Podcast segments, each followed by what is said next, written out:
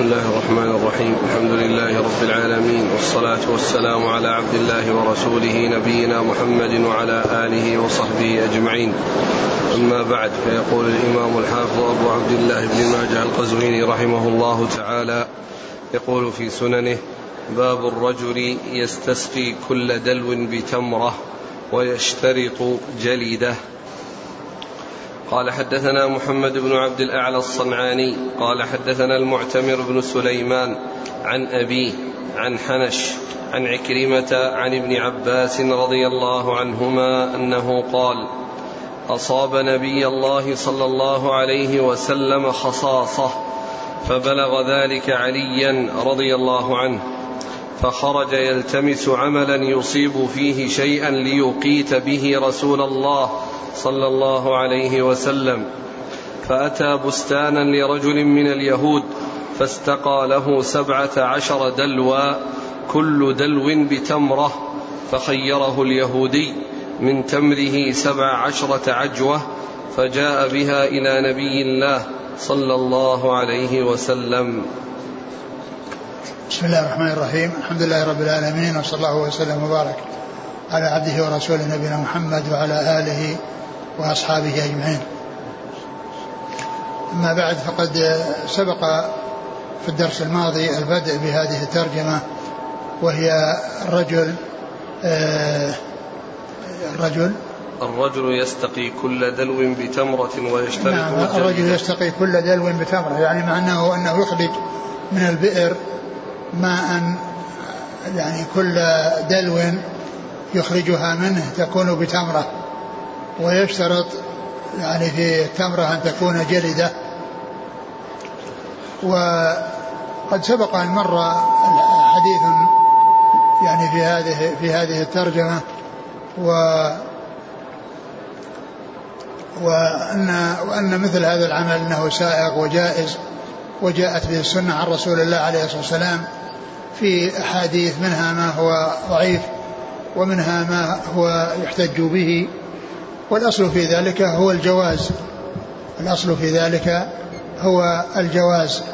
يعني في كل إنسان آه، يعمل سواء كان بتمر أو يعني أو آه، يكون بنقود أو يكون بغير ذلك. كل ذلك سائغ وجائز.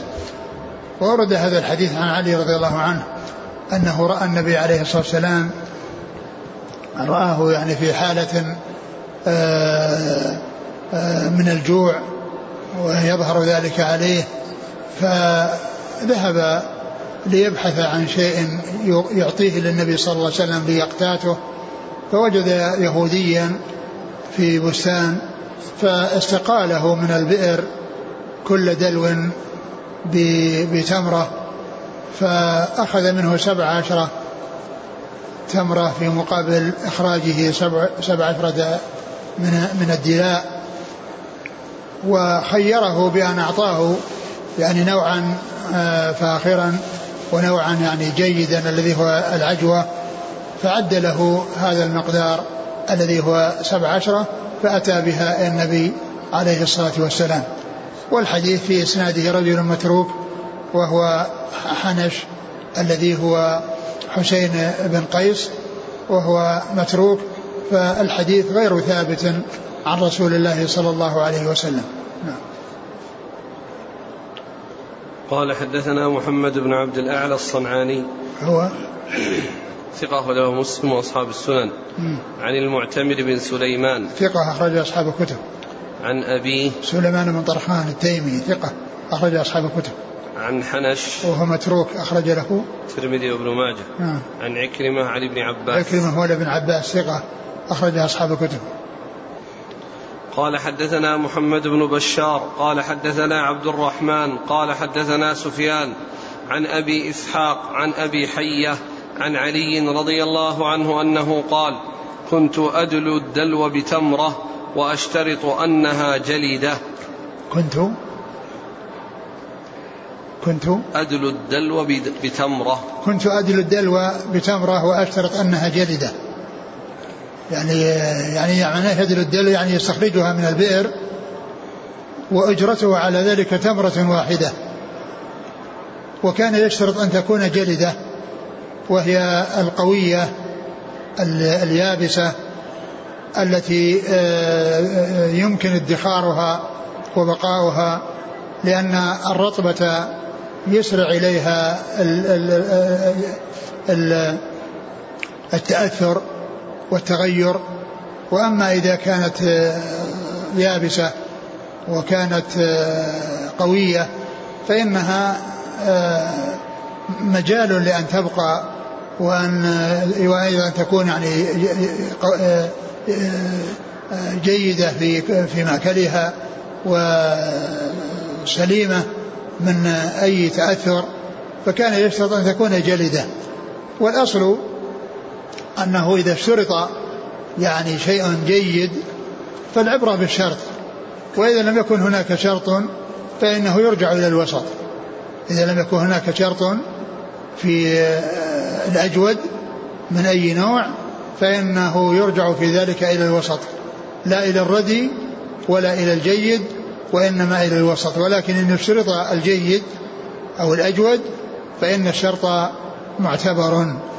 فكان علي رضي الله عنه يستخرج الدلو بتمرة ويشترط أن تكون جلدة نعم. قال حدثنا محمد بن بشار. ثقة أخرج أصحاب الكتب. عن عبد الرحمن. بن مهدي ثقة أخرج أصحاب الكتب. عن سفيان. سفيان الثوري ثقة أخرج أصحاب الكتب. عن أبي إسحاق. عمرو بن عبد الله الهمداني السبيعي ثقة أخرج أصحاب الكتب. عن أبي حية. وهو مقبول أخرج أصحاب السنن. نعم. عن علي. علي رضي الله عنه أمير المؤمنين ورابع الخلفاء الراشدين الهاديين المهديين صاحب المناقب الجمة والفضائل الكثيرة رضي الله عنه وأرضاه وحديثه عند أصحاب الكتب الستة.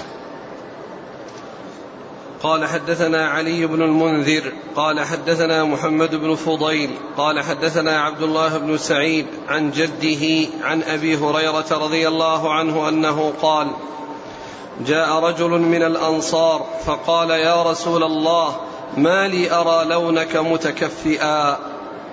قال الخمس. فانطلق الأنصاري إلى رحله فلم يجد في رحله شيئا فخرج يطلب فإذا هو بيهودي يسقي نخلا له. فقال الأنصاري لليهودي أسقي نخلك؟ قال نعم. قال كل دلو بتمرة. واشترط الأنصاري ألا يأخذ خدرة ولا تارزة ولا حشفة ولا يأخذ إلا جلدة.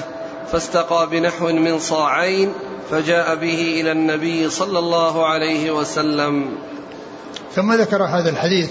أن آه، رجلا من الأنصار رأى النبي صلى الله عليه وسلم آه، متغيرا وسأله عن سبب ذلك فأخبر عليه الصلاة والسلام أنه المخمصة والجوع فذهب إلى رجل عنده بستان اتفق معه على أن يستخرج له دلاء من البئر بكل دلو يخرجها تمرة وأن تكون جلدة وألا تكون خدرة يعني وهي التي حصل فيها تغير من الداخل يعني بحيث آه، يعني بدأها الردى والتغير في الطعم والرائحة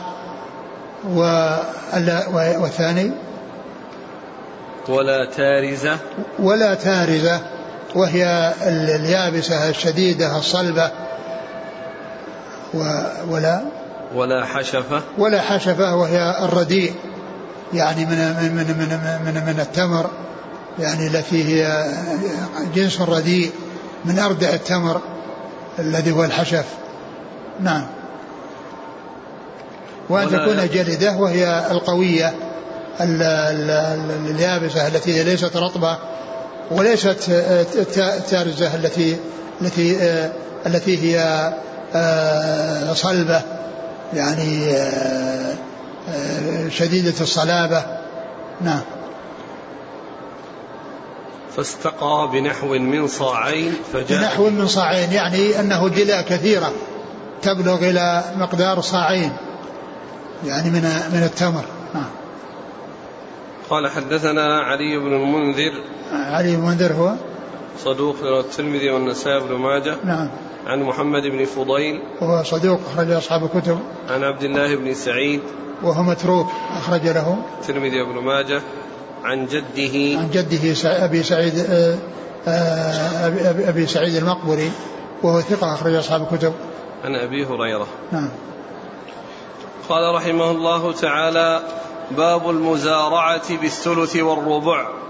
قال حدثنا هناد بن السري قال حدثنا أبو الأحوص عن طارق بن عبد الرحمن عن سعيد بن المسيب عن رافع بن خديج رضي الله عنه أنه قال نهى رسول الله صلى الله عليه وسلم عن المحاقلة والمزابنة وقال إنما يزرع ثلاثة رجل له أرض فهو يزرعها ورجل منح أرضا فهو يزرع ما منح ورجل استكرى أرضا بذهب أو فضة. ثم ذكر باب المزارعة باب المزارعة. بالثلث والربع. باب المزارعة بالثلث والربع.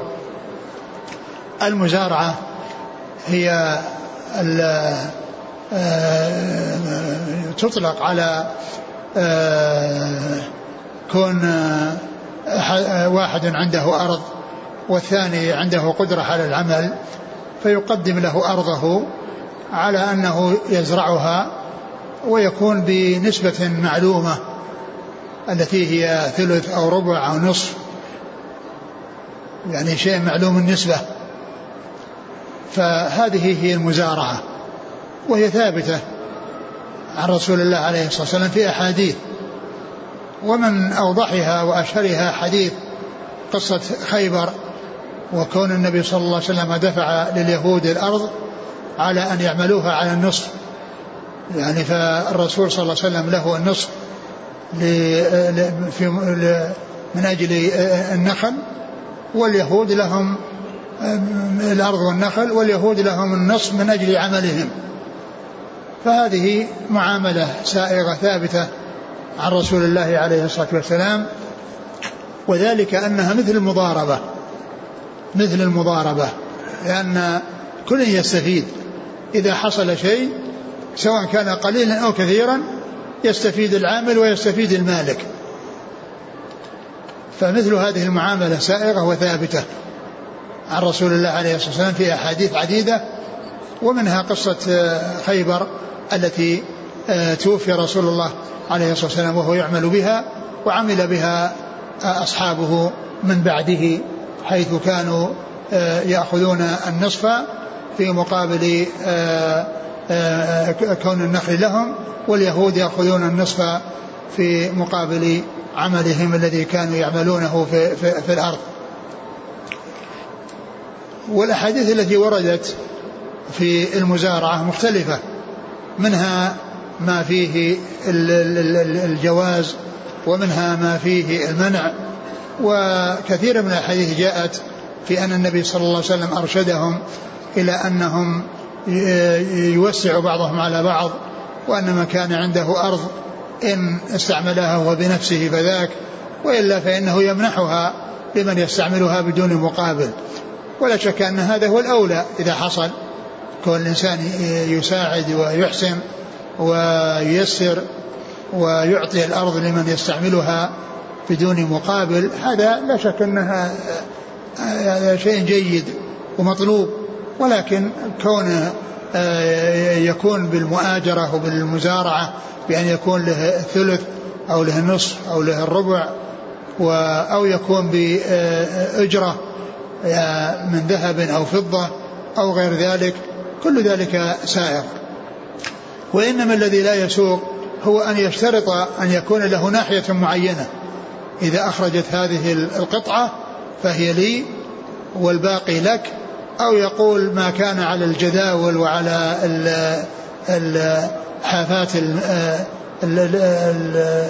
السواقي التي يمر الماء بها ويكون الشجر الذي حولها يشرب دائما فيكون أنفس من غيره مثل ذلك لا يجوز لأن هذا تخصيص بشيء معين قد يكون يستفيد أحدهما دون الآخر.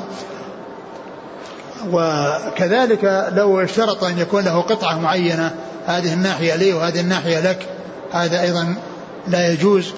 أو يعني آآ آآ أو أي شيء فيه جهالة وغرر بمعنى أن أنه قد تنبت هذه ولا تنبت هذه. أما إذا صار شيئا معلوما بأن يكون معلوم النسبة فكل يستفيد. هذا يستفيد وهذا يستفيد. وكذلك لو كان أخذها بذهب أو فضة بأن معنى أن المستأجر دفع أجرة ثم الأرض يتصرف فيها كل ذلك سائر وإنما المحذور أن يكون فيه شيء جهالة بحيث أحد يستفيد ويعني أحدهما يستفيد والثاني لا يستفيد. ثم ذكر هذا الحديث الحديث الأول عن رافع بن خديج قال نهى الرسول صلى الله عليه وسلم عن المحاقلة والمزابنة. نهى رسول الله صلى الله عليه وسلم عن المحاقلة والمزابنة. وسبق أن مر بنا بيان معنى المحاقلة والمزابنة وأن المزابنة هي بيع التمر آه، في مقابل تمر في النخل فإن ذلك غير جائز لأن فيه آه، بيع جهل فيه التساوي وأيضا آه، فيه النسيئة.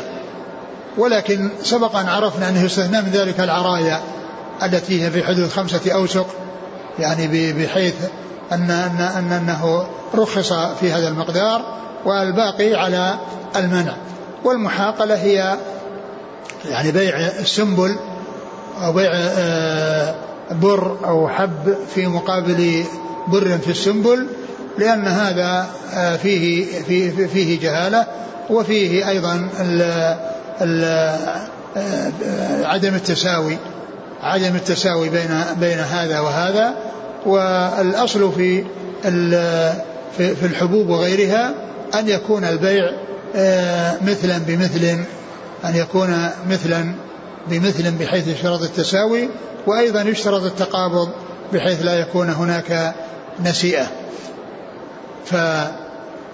فالمزارعة أو المزابنة التي هذا معناها هي غير سائغة والمحاقلة التي هذا معناها غير سائغة ولكن هذه غير المزارعة التي هي آه، تأجير الأرض بجزء معلوم النسبة مما يخرج منها التي هي المزارعة. نعم. وقال إنما يزرع ثلاثة.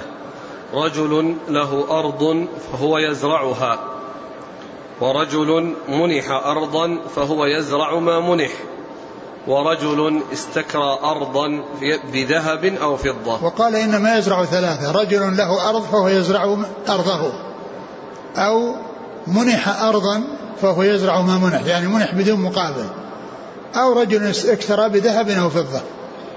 يعني معناه أنه استأجر الأرض بمقدار من النقود معلومة ويقوم آه، بالعمل في الأرض بزراعتها ويكون كل ما يحصل هو للمستأجر لأن الأجرة هي ذهب أو فضة قد دفعت للمؤجر فلم يبق له حق في الزرع لأن حقه نقود تسلمها في مقابل الأجرة وهذا بلا شك سائغ وجائز. الذي هو كونه بيستأجرها بالذهب والفضة وكونه يمنح لا شك أن هذا جيد إذا حصل ولكنه لا يلزم المنح وأن الإنسان يعطي أرضه بدون مقابل هذا هذا إذا فعله أحسن. ولكن إذا أخذ في مقابلها أجرة سواء ذهب أو فضة أو غير ذلك فإن ذلك سائغ نعم.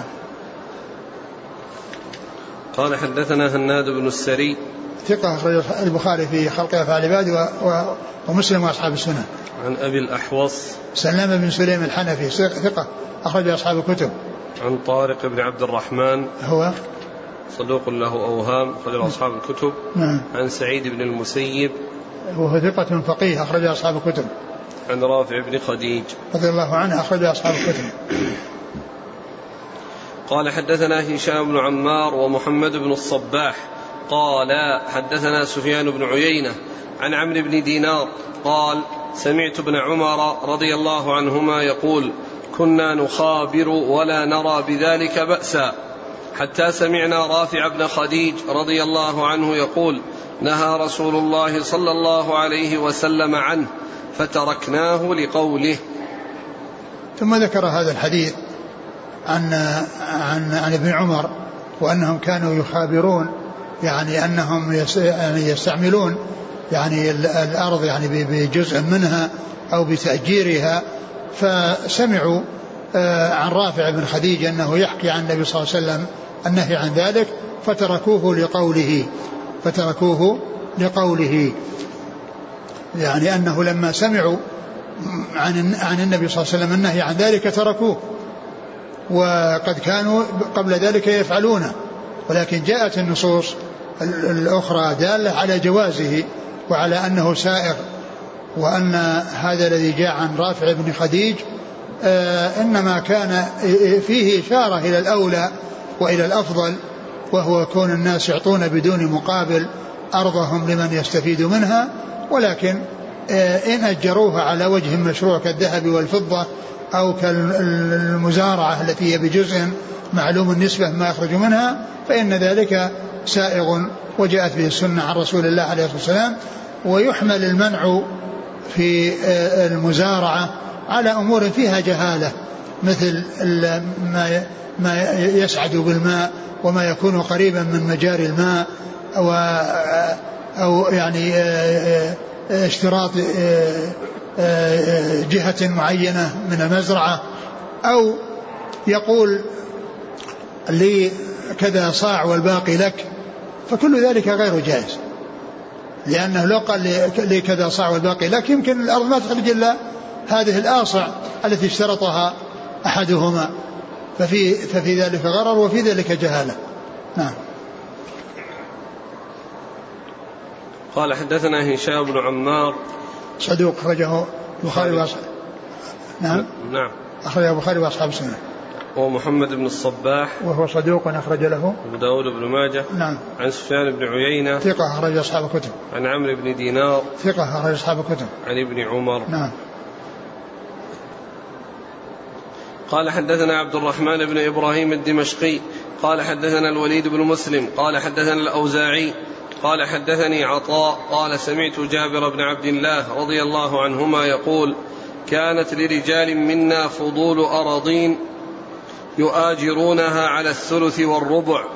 فقال النبي صلى الله عليه وسلم من كان له فضول أراضين فليزرعها أو ليزرعها أخاه فإن أبى فليمسك أرضه.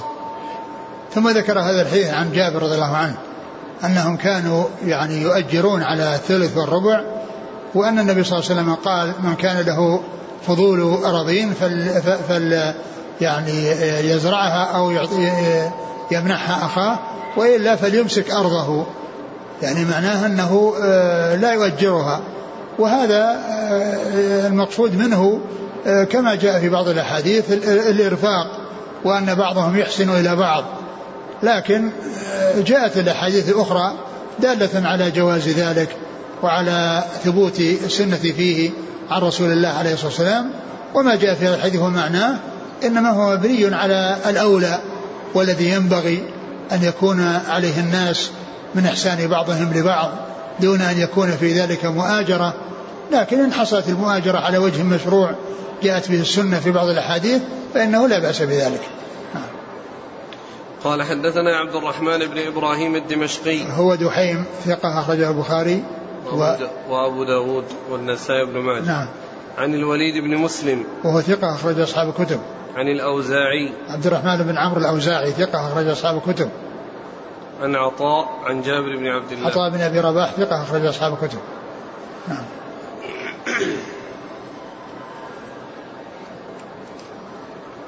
قال حدثنا إبراهيم بن سعيد الجوهري قال حدثنا أبو توبة الربيع بن نافع قال حدثنا معاوية بن سلام عن يحيى بن أبي كثير عن أبي سلمة عن أبي هريرة رضي الله عنه أنه قال قال رسول الله صلى الله عليه وسلم من كانت له أرض فليزرعها أو ليمنحها أخاه فإن أبى فليمسك أرضه. ثم ذكر هذا الحديث عن أبي هريرة وهو بمعنى حديث جابر المتقدم. قال حدثنا إبراهيم بن سعيد الجوهري. هو؟ ثقة أخرج له مسلم وأصحاب السنن. نعم. عن أبي توبة. وهو؟ الربيع بن نافع ثقة أخرجه أصحاب الكتب إلا الترمذي. نعم. عن معاوية بن سلام. وهو؟ ثقة أخرج أصحاب الكتب. عن يحيى بن أبي كثير. اليمامي ثقة أخرج أصحاب الكتب. عن أبي سلمة عن أبي هريرة. أبو سلمة بن عبد الرحمن بن عوف ثقة أخرج أصحاب الكتب. قال رحمه الله تعالى باب كراء الأرض. قال حدثنا أبو كريب قال حدثنا عبدة بن سليمان وأبو أسامة ومحمد بن عبيد عن عبيد الله أو قال عبد الله بن عمر عن نافع عن ابن عمر رضي الله عنهما أنه كان يكري أرضا له مزارعا فأتاه إنسان فأخبره عن رافع بن خديج رضي الله عنه أن رسول الله صلى الله عليه وسلم نهى عن كراء المزارع فذهب ابن عمر وذهبت معه حتى أتاه بالبلاط فسأله عن ذلك فأخبره أن رسول الله صلى الله عليه وسلم نهى عن كراء المزارع فترك عبد الله كراءها. ثم ذكر هذا الحديث. باب باب كراء الأرض. باب كراء الأرض. باب كراء الأرض يعني آه، تأجيرها وأخذ كراء يعني على ذلك. وأورد في حديث رابع بن خديج وهو بمعنى حديث تقدم الذي فيه أنه كان أنه نهى عن يعني عن المخابرة وأنهم آه، تركوا ذلك لما سمعوه أو لما يعني لما جاء عن رافع بن خديج يرفعه إلى رسول الله صلى الله عليه وسلم. وهذا الحديث بمعنى يعني ذلك الحديث وهو يحمل على ما كان في أول الأمر من أن الرسول عليه الصلاة والسلام حث على أن يحسن بعضهم إلى بعض وأن يرفق بعضهم ببعض وأن يمنح بعضهم بعضا وإلا فإن الأمر استقر على يعني مشروعية ذلك وعلى جوازه وتوفي رسول الله صلى الله عليه وسلم وهو يعمل به كما حصل في قصة خيبر. نعم. عن ابن عمر أنه كان يكري أرضا له مزارعا فأتاه إنسان فأخبره عن رافع بن خديج أن رسول الله صلى الله عليه وسلم نهى عن كراء المزارع فذهب ابن عمر وذهبت معه حتى أتاه بالبلاط. البلاط مكان. يعني قيل أنه بين المسجد والسوق. فسأله عن ذلك فأخبره أن رسول الله صلى الله عليه وسلم نهى عن كراء المزارع نعم. فترك عبد الله كراءها. نعم. قال حدثنا أبو كريب عن عبدة بن سليمان. أبو كريب محمد بن العلاء بن كريب ثقة أخرج أصحاب الكتب وعبدة بن سليمان ثقة أخرج أصحاب الكتب. وأبي أسامة. حماد بن أسامة ثقة أخرج أصحاب الكتب. ومحمد بن عبيد. الطنافسي وهو ثقة أخرج أصحاب الكتب. نعم. عن عبيد الله أو قال عبد الله بن عمر. يعني هما أخوان. المصغر ثقة والمكبر ضعيف. وهنا جاء على الشك ولكنه جاء في صحيح مسلم وفي سنن النسائي على تعيين عبيد الله الذي هو الثقة. تعيين عبيد الله الذي هو الثقة. نعم. وصار يعني الشك الذي هنا يعني بين الضعيف والثقة يعني جاء ما يرجح جانب الثقة وهو أنه في مسلم وفي النسائي لم يذكر إلا عبيد الله ولم يذكر معه عبد الله. نعم. عن نافع ابن عمر. آه نافع مولى بن عمر ثقة. أخرج أصحاب الكتب. الحديث الذي مر بنا أمس الذي آه فيه آه, آه، سليم بن حيان الذي كان أبوه حيان مقبول وقلنا أنه توبع تابع محمد بن سيرين. متابعة محمد بن سيرين موجودة في طبقات ابن سعد.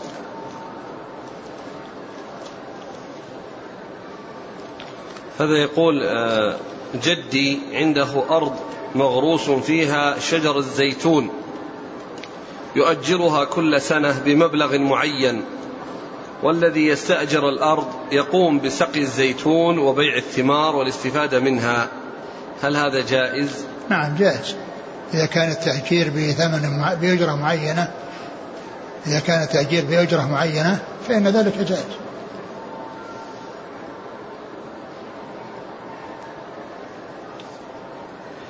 قال حدثنا عمرو بن عثمان بن سعيد بن كثير بن دينار الحمصي قال حدثنا ضمرة بن ربيعة عن ابن شوذب عن مطر عن عطاء عن جابر بن عبد الله رضي الله عنهما أنه قال خطبنا رسول الله صلى الله عليه وعلى آله وسلم فقال من كانت له أرض فليزرعها أو ليزرعها ولا يؤاجرها. ثم ذكر حديث جابر وهو بمعنى ما تقدم من الأحاديث. من كان له أرض فليزرعها أو ليزرعها ولا يؤاجرها يعني معناها أنه يعني يمنحها أخاه فهو إما يعملها بنفسه أو يمنحها أخاه ولا يؤاجرها وكان هذا في أول الأمر من أجل الرفاق بالناس. ولكنه بعد ذلك جاءت الأدلة دالة على جواز المؤاجرة على شيء معلوم أو بجزء معلوم النسبة مما يخرج من الأرض. قال حدثنا عمرو بن عثمان بن سعيد بن كثير. هو صدوق أخرج له. أبو داود والنسائي بن ماجه. نعم. عن ضمرة بن ربيعة. وهو؟ صدوق يهم قليلا. أخرج البخاري بن المفرد وأصحاب السنن. نعم. عن ابن شوذب. وهو؟ صدوق. أخرج البخاري بن المفرد وأصحاب السنن. نعم. عن مطر. وهو؟ صدوق كثير الخطأ. نعم. وحديثه عن عطاء ضعيف. نعم. ويروي عن عطاء أخرج نعم. البخاري تعليقا ومسلم وأصحاب السنن. نعم. عن عطاء عن جابر بن عبد الله. لكنها بمعنى الأحاديث التي مضت. نعم. أخرجه مسلم. نعم. قال حدثنا محمد بن يحيى قال حدثنا مطرف بن عبد الله قال حدثنا مالك عن داود بن الحصين عن أبي سفيان مولى, مولى بن أبي أحمد أنه أخبره أنه سمع أبا سعيد الخدري رضي الله عنه يقول نهى رسول الله صلى الله عليه وسلم عن المحاقلة والمحاقلة استكراء الأرض. ثم ذكر هذا الحديث عن أبي سعيد أن النبي صلى الله عليه وسلم نهى عن المحاقلة والمحاقلة استكراء الأرض. فإذا كان المقصود بهذا التفسير من من أحد الرواة استكراء الأرض يعني بشيء فيه جهالة فهذا الأمر فيه واضح. وإن كان بشيء معلوم بذهب أو فضة وغير ذلك أو بجزء معلوم النسبة فقد جاءت السنة في بيان ذلك. وسبق أن مر أن المحاقلة هي يعني بيع الحب الصافي بالحب في السنبل وأن في ذلك عدم علم بالتساوي وبيع البر بالبر لا بد أن يكون مثلا بمثل وأن يكون يدا بيد. وبيع البر الصافي ببر في السنبل هذا غير معلوم التساوي.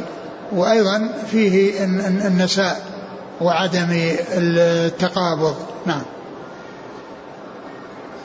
وأما التفسير هنا والمحاقلة استكراء الأرض. نعم هذا تفسير يعني استكراء الأرض يعني استئجارها بذهب أو فضة. فيكون هذا من جنس الأحاديث التي سبق أن مرت النبي نهى عن استكراء الأرض. ويكون هذا في أول الأمر. نعم. قال حدثنا محمد بن يحيى الذهلي ثقة رجل البخاري وأصحاب السنة. عن مطرف بن عبد الله. وهو ابن مطرف وهو ثقة أخرج البخاري والترمذي وابن ماجه. نعم. عن مالك. ابن أنس إمام دار الهجرة المحدث الفقيه أحد أصحاب المذاهب الأربعة مشهورة مذاهب السنة أخرج حديثه أصحاب الكتب الستة. عن داود بن الحصين. وهو ثقة أخرج له. أصحاب الكتب. نعم. عن أبي سفيان مولى بن أبي أحمد. وهو؟ ثقة أخرج أصحاب الكتب. نعم. عن أبي سعيد الخدري. نعم. قال رحمه الله تعالى باب الرخصة في كراء الأرض في كراء الأرض البيضاء بالذهب والفضة.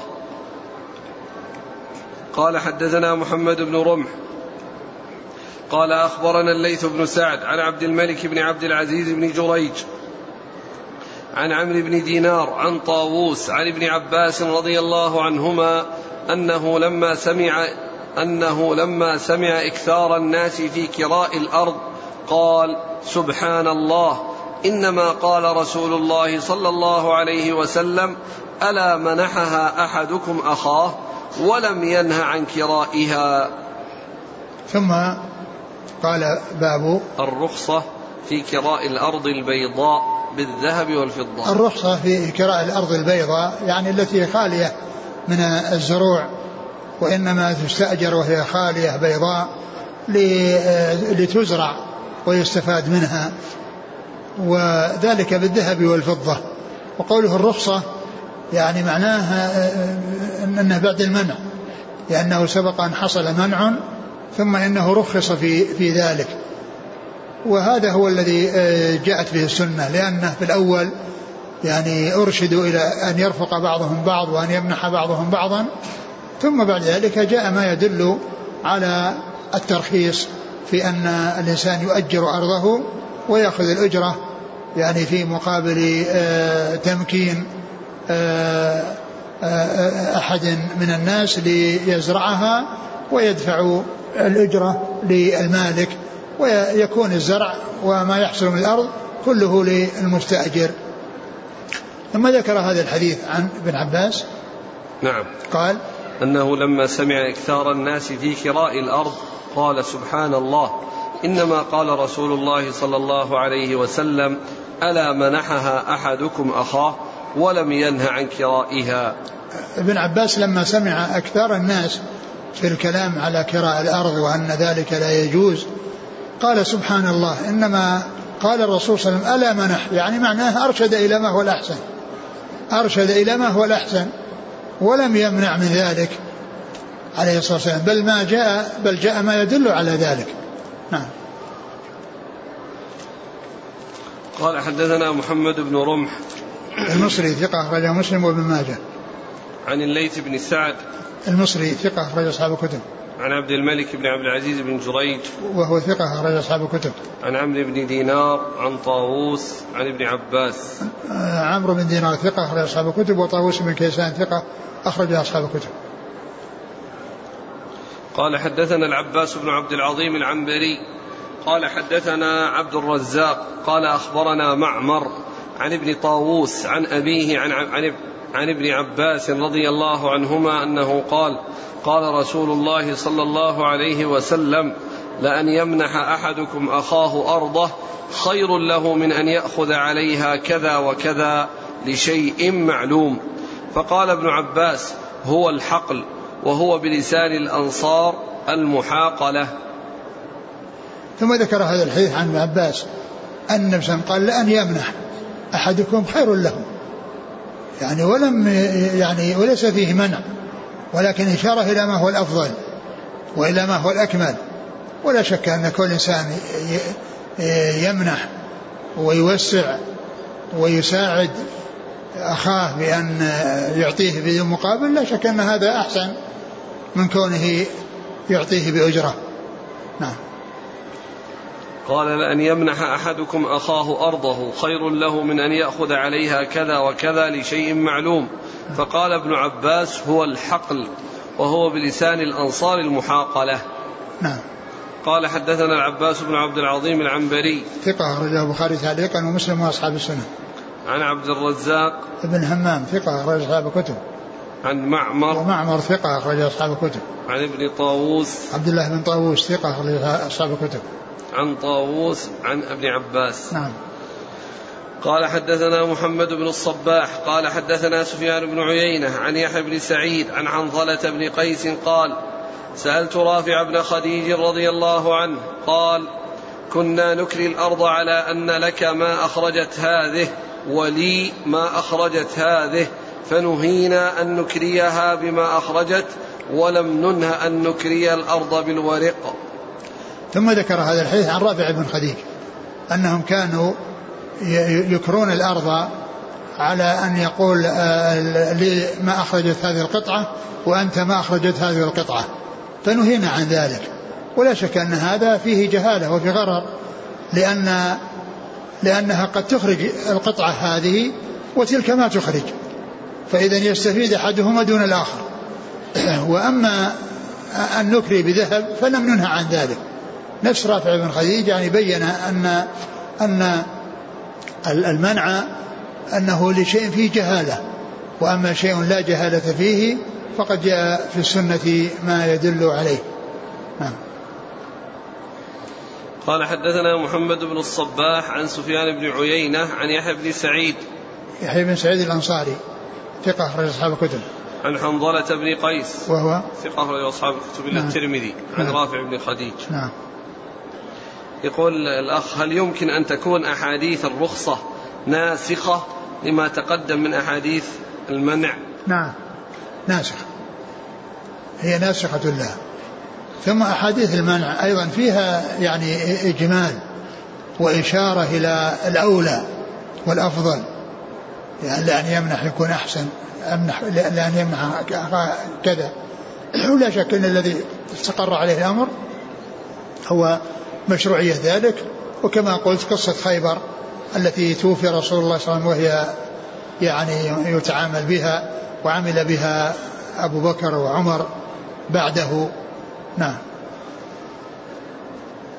هل يدخل في المحاقلة كراء الأرض بما يخرج منها سواء كان حبا أو غيره لكن باشتراط أوسق معينة؟ لا ما يجوز لأن كون هل يدخل يقول هل يدخل في المحاقلة كراء الأرض باشتراط ما يخرج منها بأوسق معينة لا كلمة كون المحاقلة تفسر بهذا لا أدري ولكن كون ال ال الإنسان يعني يشترط أن يكون له آه، أوسق معينة من من من الخارج أوسق معينة من الخارج هذا لا يجوز. أما إذا كان أجرها بطعام أو بمقدار من الآصع يدفعها المستأجر على أساس أنها أجرة ويستفيد الأرض هذا لا بأس به. هذا مثل مثل الأجرة سواء كانت نقود أو سلع أو أي شيء آخر ولكن الممنوع أن يكون مما يخرج. بأن يقول لي كذا مما يخرج والباقي لك. هذا لا يجوز لأنه قد لا يخرج إلا هذا المقدار. قال رحمه الله تعالى باب ما يكره من المزارعة. قال حدثنا عبد الرحمن بن إبراهيم الدمشقي. قال حدثنا الوليد بن مسلم. قال حدثنا الأوزاعي. قال حدثني أبو النجاشي أنه سمع رافع بن خديج رضي الله عنه يحدث عن عمه ظهير رضي الله عنه أنه قال نهانا رسول الله صلى الله عليه وسلم عن أمر كان لنا رافقا. فقلت ما قال رسول الله صلى الله عليه وسلم فهو حق؟ فقال قال رسول الله صلى الله عليه وسلم ما تصنعون بمحاقلكم؟ قلنا نؤاجرها على الثلث والربع والأوسق من البر والشعير. فقال فلا تفعلوا ازرعوها أو أزرعوها. باب ما يكره من المزارعة. باب ما يكره من المزارعة. هذا يعني داخل في الترجمة السابقة التي باب في المزارعة وأنه جاء ما يدل على المنع وجاء ما يدل على الجواز وأن الذي استقر عليه الأمر هو الجواز وأن الأمر كان في أول الأمر على اعتبار آه، آه، آه، أن يرفق بعضهم بعض ويحسن بعضهم إلى بعض. وثم بعد ذلك جاءت السنة في آه، آه، جواز ذلك. قال؟ نهى يقول عن عمه ظهير نهانا صلى الله عليه وسلم عن أمر كان لنا رافقا. يعني أمر كان لنا رافقا يعني معناه أن فيه فائدة لنا وفيه رفق بنا وهي أننا نستفيد من أرضنا بأن نؤجرها ونستفيد من أجرتها. فالرسول صلى الله عليه وسلم أرشدهم إلى أن الإنسان يزرعها أو يزرعها. يعني أرشد إلى ما هو الأكمل؟ أرشد إلى ما هو الأكمل. وأما النهي عن كرائها فإما أن يكون محمولا على يعني التنزيه الذي هو خلاف الأولى أو أن المقصود به كان في أول الأمر ثم نسح نعم. قال صلى الله عليه وسلم ما تصنعون بمحاقلكم؟ قلنا نؤجر نؤاجرها على الثلث والربع والأوسق من البر والشعير. نؤجرها على الثلث والربع وهذا الذي هو المزارعة.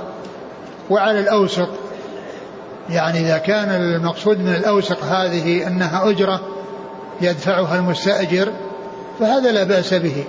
وإن كان آه، آه، أوسق يستحقها أحدهم مما يخرج فهذا لا يجوز لأن فيه جهالة. لأن الأرض قد لا تخرج إلا هذه الأوسق فيظفر بها أحدهم دون الآخر. ويكون الثاني ذهب عمله بدون مقابل. لكن إن كان هذا الأوسق إنما هي دفعها المستأجر من أجل أنه يشتغل في الأرض فهذا جائز لأنها أجرة معلومة وليست من قبيل المزارعة. نعم. فقال, فقال فلا تفعلوا ازرعوها أو أزرعوها. يعني ازرعوها بأنفسكم أو أزرعوها اجعلوا غيركم يزرعها بدون مقابل. نعم. قال حدثنا عبد الرحمن بن إبراهيم الدمشقي عن الوليد بن مسلم عن الأوزاعي عن أبي النجاشي. أبو النجاشي هو؟ ثقة أخرج له البخاري ومسلم والنسائي بن ماجه. نعم. عن رافع بن خديج عن عمه ظهير. عمه ظهير أخرج له؟ البخاري ومسلم والنسائي بن ماجه. نعم. قال حدثنا محمد بن يحيى قال حدثنا عبد الرزاق قال أخبرنا الثوري عن منصور عن مجاهد عن أسيد بن ظهير رضي الله عنهما ابن أخي رافع بن خديج. عن رافع بن خديج رضي الله عنه أنه قال كان أحدنا إذا استغنى عن أرضه أعطاها بالثلث والربع والنصف واشترط ثلاث جداول والقصارة وما يسقي الربيع. وكان العيش إذ ذاك شديدا. وكان يعمل فيها بالحديد وبما شاء الله ويصيب منها منفعة. فأتانا رافع بن خديج فقال إن رسول الله صلى الله عليه وسلم نهاكم عن أمر كان لكم نافعا وطاعة الله وطاعة رسوله أنفع لكم. إن رسول الله صلى الله عليه وسلم ينهاكم عن الحقل ويقول من استغنى عن أرضه فليمنحها أخاه أو ليدع وهذا مثل الذي قبله نعم قال حدثنا محمد بن يحيى عن عبد الرزاق عن الثوري الثوري هو آه، سفيان ثقة أخرج أصحاب الكتب. عن منصور عن مجاهد. منصور بن معتمر ثقة أخرج أصحاب الكتب. مجاهد بن جبر ثقة أخرج أصحاب الكتب. عن أسيد بن ظهير أخرج له أصحاب السنن. نعم. عن رافع بن خديج. نعم.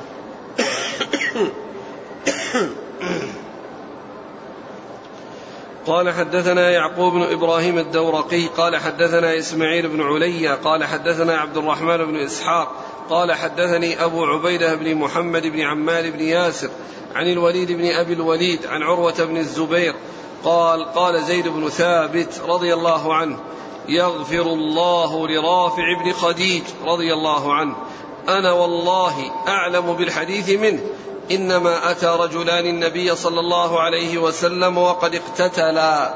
فقال إن كان هذا شأنكم فلا تكروا المزارع. ثم ذكر هذا الحديث عن زيد إن كان إن كان هذا شأنكم فلا تكروا المزارع.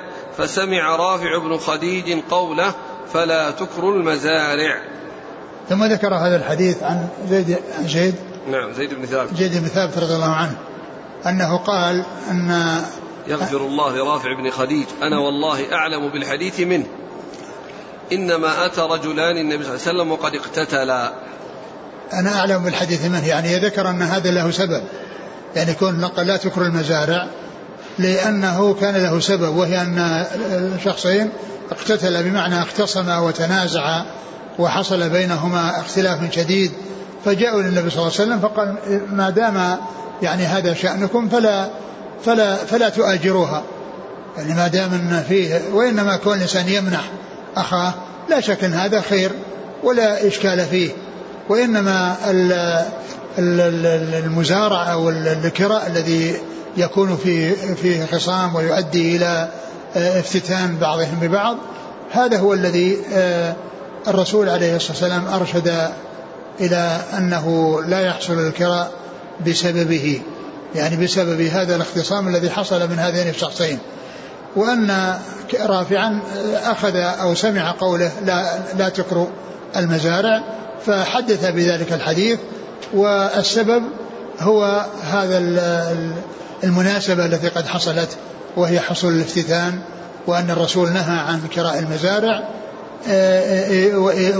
أي إشارة إلى ما هو الأفضل الذي هو كونهم يعطوا يمنحونها لغيرهم ليستفيد منها.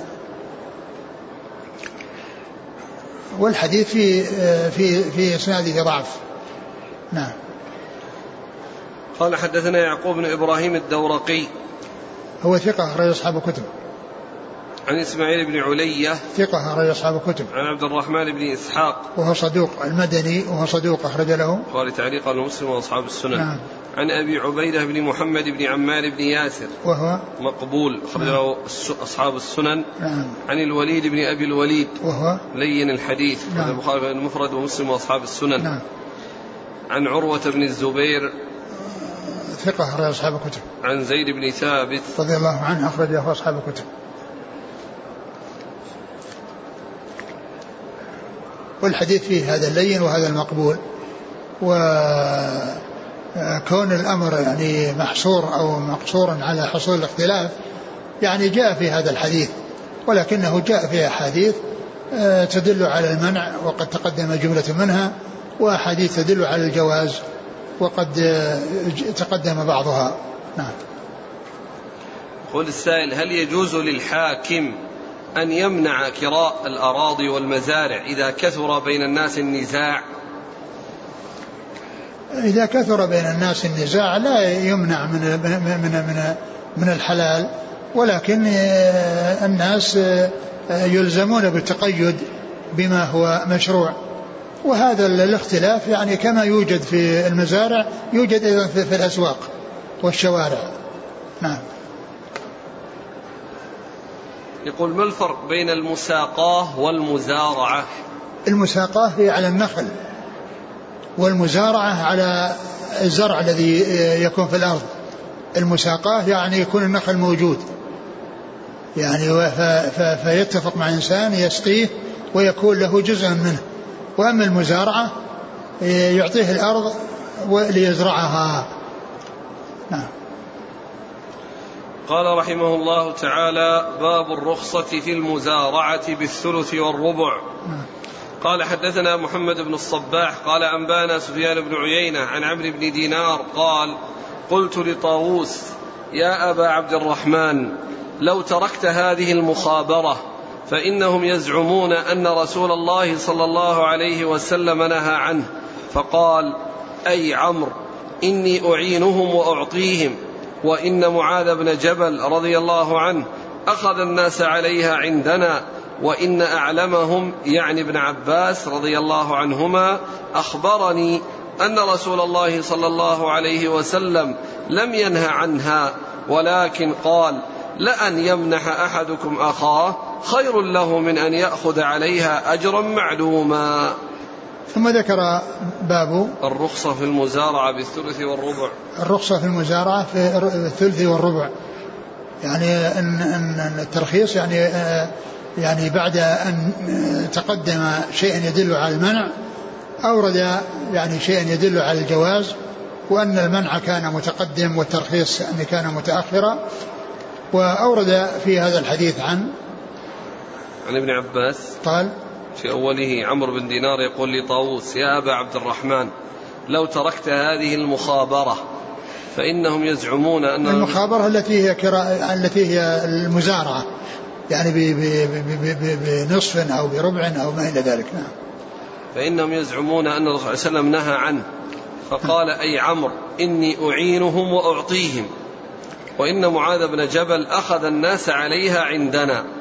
وإن أعلمهم يعني ابن عباس أخبرني أن رسول الله صلى الله عليه وسلم لم ينهى عنها ولكن قال لأن يمنح أحدكم أخاه خير له من أن يأخذ عليها أجرا معلوما. قوله يعني لأن يمنح أخاه خيرا أن يمنح هذا شك هذا خير الصلاة خير من النوم يعني كونه يحصل آه، أجر وثواب من الله عز وجل ويحسن إلى أخيه ويرفق به خير من أنه يأخذ عليها أجرا معلوم. لا شك أن هذا خير من هذا.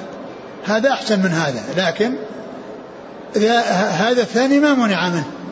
ولكن أرشد إلى ما هو الأفضل وإلى ما هو الأكمل. نعم. قال حدثنا محمد بن الصباح عن سفيان بن عيينة عن عمرو بن دينار عن طاووس عن ابن عباس. نعم. قال حدثنا أحمد بن ثابت الجحدري قال حدثنا عبد الوهاب عن خالد عن مجاهد عن طاووس أن معاذ بن جبل الحديث الذي الذي سبق الذي مر الذي فيه اللين والمقبول الشيخ ناصر ذكر تصحيحه هنا. وحال إلى كتاب والكتاب الذي ذكره فيه تضعيف. يعني تضعيف الحديث. يعني الذي هناك غير مطابق لما هنا. غاية المرام. نعم. قال حدثنا أحمد بن ثابت الجحدري قال حدثنا عبد الوهاب عن خالد عن مجاهد عن طاووس أن معاذ بن جبل رضي الله عنه أكرى الأرض على عهد رسول الله صلى الله عليه وسلم وأبي بكر وعمر وعثمان رضي الله عنهم على الثلث والربع فهو يعمل به إلى يومك هذا.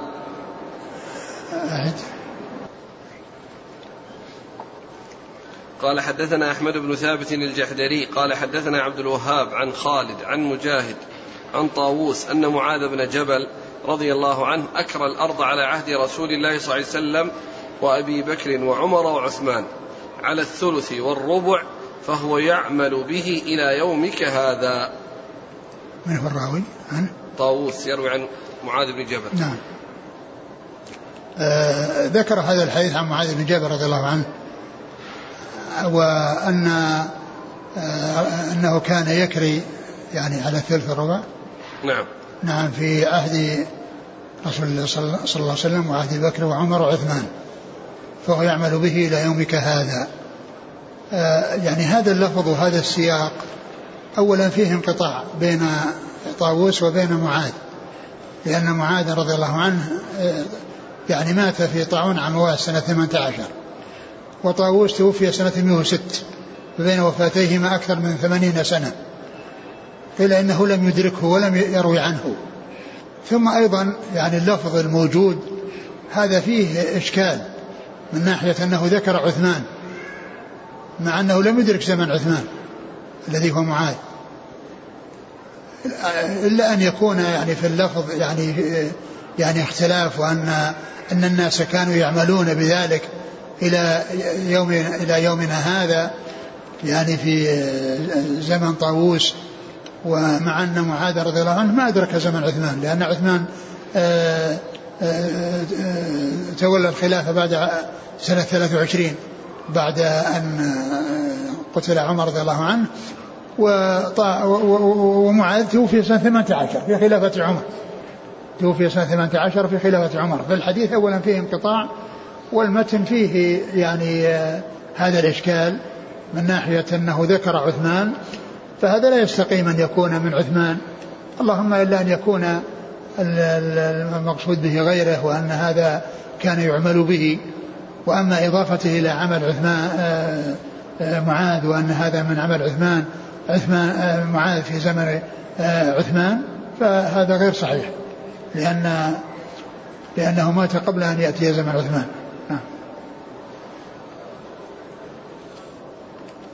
قال حدثنا أحمد بن ثابت الجحدري. هو؟ صدوق إلى ابن ماجه. نعم. عن عبد الوهاب. بن عبد بن عبد المجيد وهو؟ ثقة أخرج أصحاب الكتب. نعم. عن خالد. الحذاء ثقة أخرج أصحاب الكتب. عن مجاهد عن طاووس. نعم. عن معاذ. نعم. معاذ بن جبل رضي الله عنه أخرج أصحاب الكتب. قال حدثنا أبو بكر بن خلاد الباهلي ومحمد بن إسماعيل. قال حدثنا وكيع عن سفيان عن عمرو بن دينار عن طاووس قال قال ابن عباس رضي الله عنهما إنما قال رسول الله صلى الله عليه وسلم لأن يمنح أحدكم أخاه الأرض خير له من أن يأخذ خراجا معلوما. وهذا مثل الذي قبله نعم. قال حدثنا أبو بكر بن خلاد الباهلي. هو ثقة أخرج له.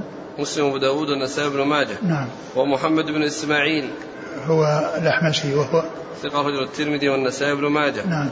عن وكيع عن سفيان عن عمرو بن دينار عن طاووس عن ابن عباس. نعم. باب استكراء الأرض بالطعام. نعم. قال رحمه الله تعالى باب استكراء الأرض بالطعام. قال حدثنا حميد بن مسعدة. قال حدثنا خالد بن الحارث. قال حدثنا سعيد بن أبي عروبة.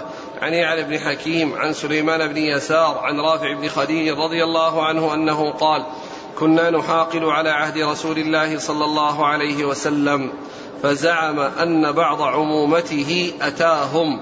فقال قال رسول الله صلى الله عليه وسلم من كانت له أرض فلا يكريها بطعام مسمى.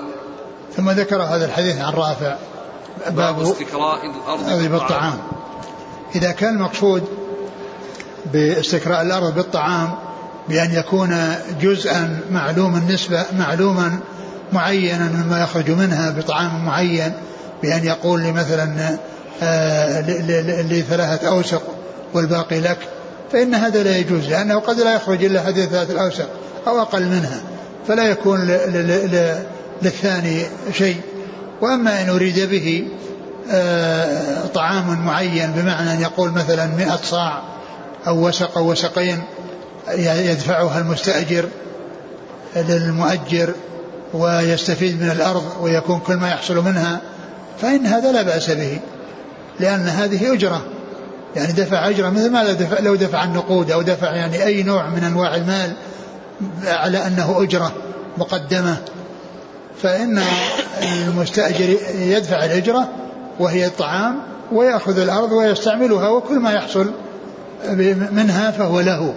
أما إذا كان الطعام المعين إنما هو مما يخرج منها بأن يقول لي ثلاثة أوسق من الخارج من الأرض والباقي لك فهذا لا يجوز لأن هذه مثل المضاربة. إذا كانت بنسبة معينة فإنها سائغة.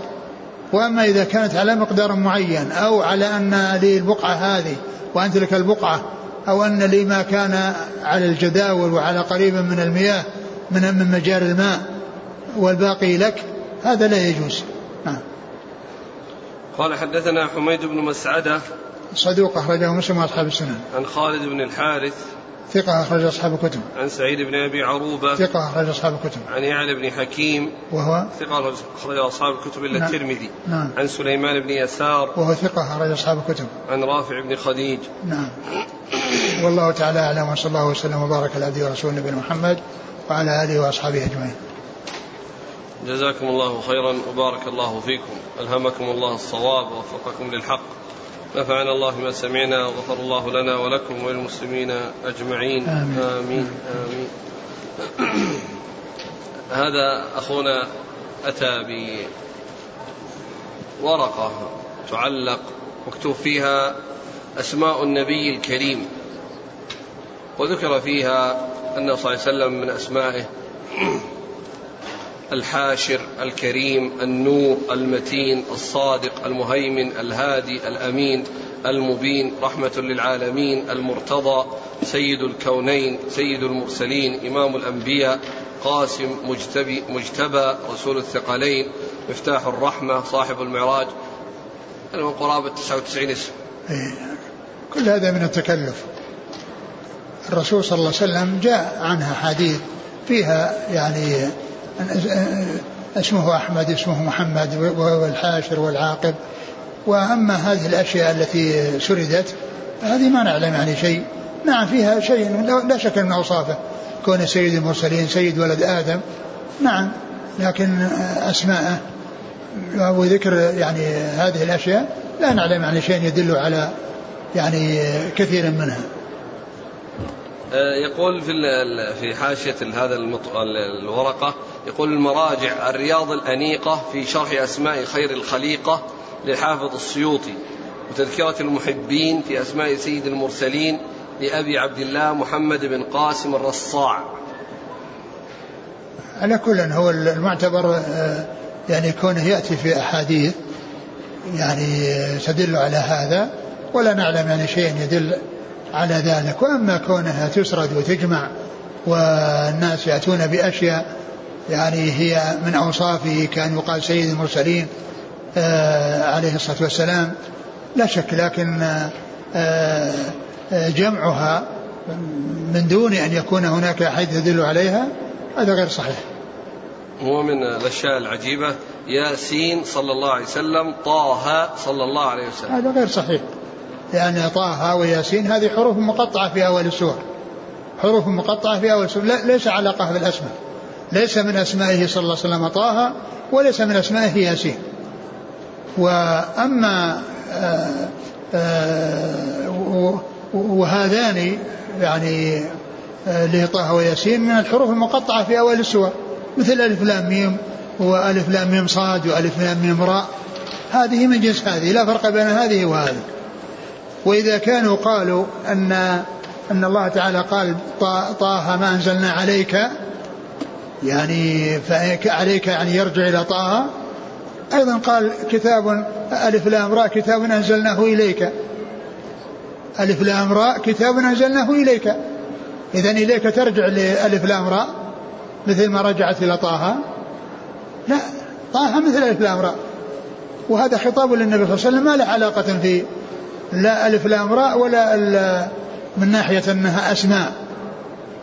نعم. جزاكم الله خيرا. سبحانك اللهم وبحمدك أشهد أن لا إله إلا أنت أستغفرك وأتوب إليك.